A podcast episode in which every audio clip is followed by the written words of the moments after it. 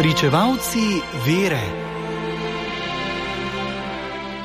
Danes, dan po prazniku spreobrnitve apostola Pavla, največjega misionarja vseh časov, se spominjamo njegovih dveh najljubših učencev, Timoteja in Tita.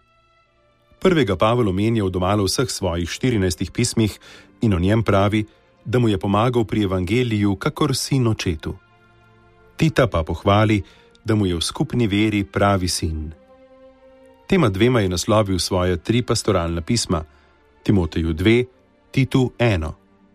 Iz vseh je čutiti, kakšna apostolska vnema je te tri može povezovala. Timotej je bil rojen v Listri v Mali Aziji, nekako tisti čas, ko je Jezus v Palestini nastopil svoje javno delovanje.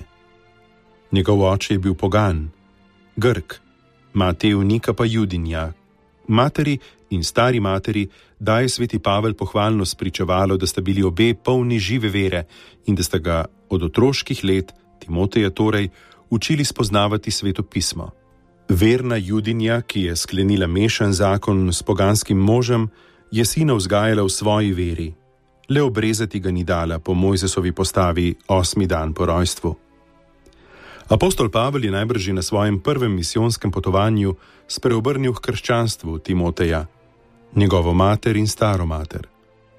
Kot sin judovske matere in poganskega očeta je Timotej predpostavo veljal za juda in bi moral biti obrezan, in zato je poskrbel Pavel, ko je na drugem misijonskem potovanju prišel v Listro.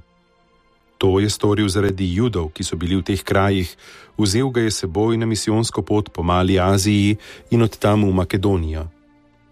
Ko je bil Pavel jetnik v Rimu, se mu je pridružil tudi Timotej, ker ga Pavel omenja v svojih pismih, poslanih v tem času iz Rima.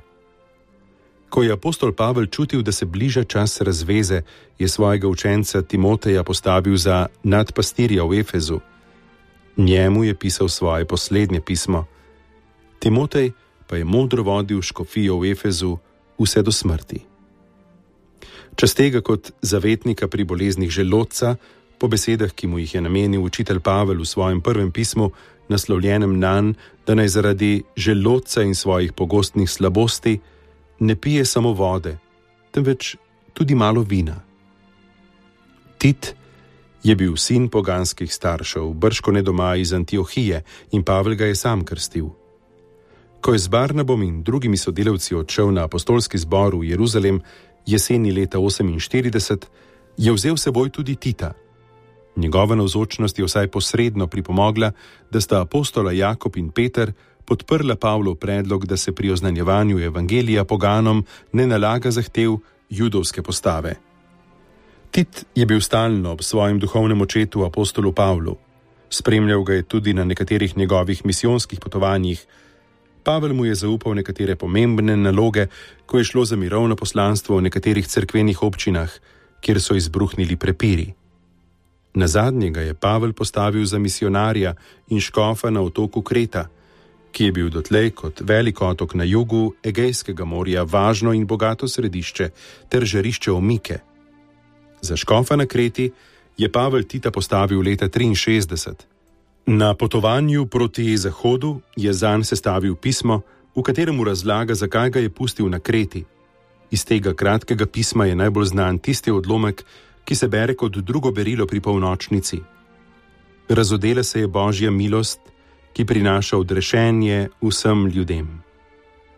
Tit je ostal na kreti, vzoren pastir, vse do visoke starosti, kakor poroča zgodovinar Eusebi.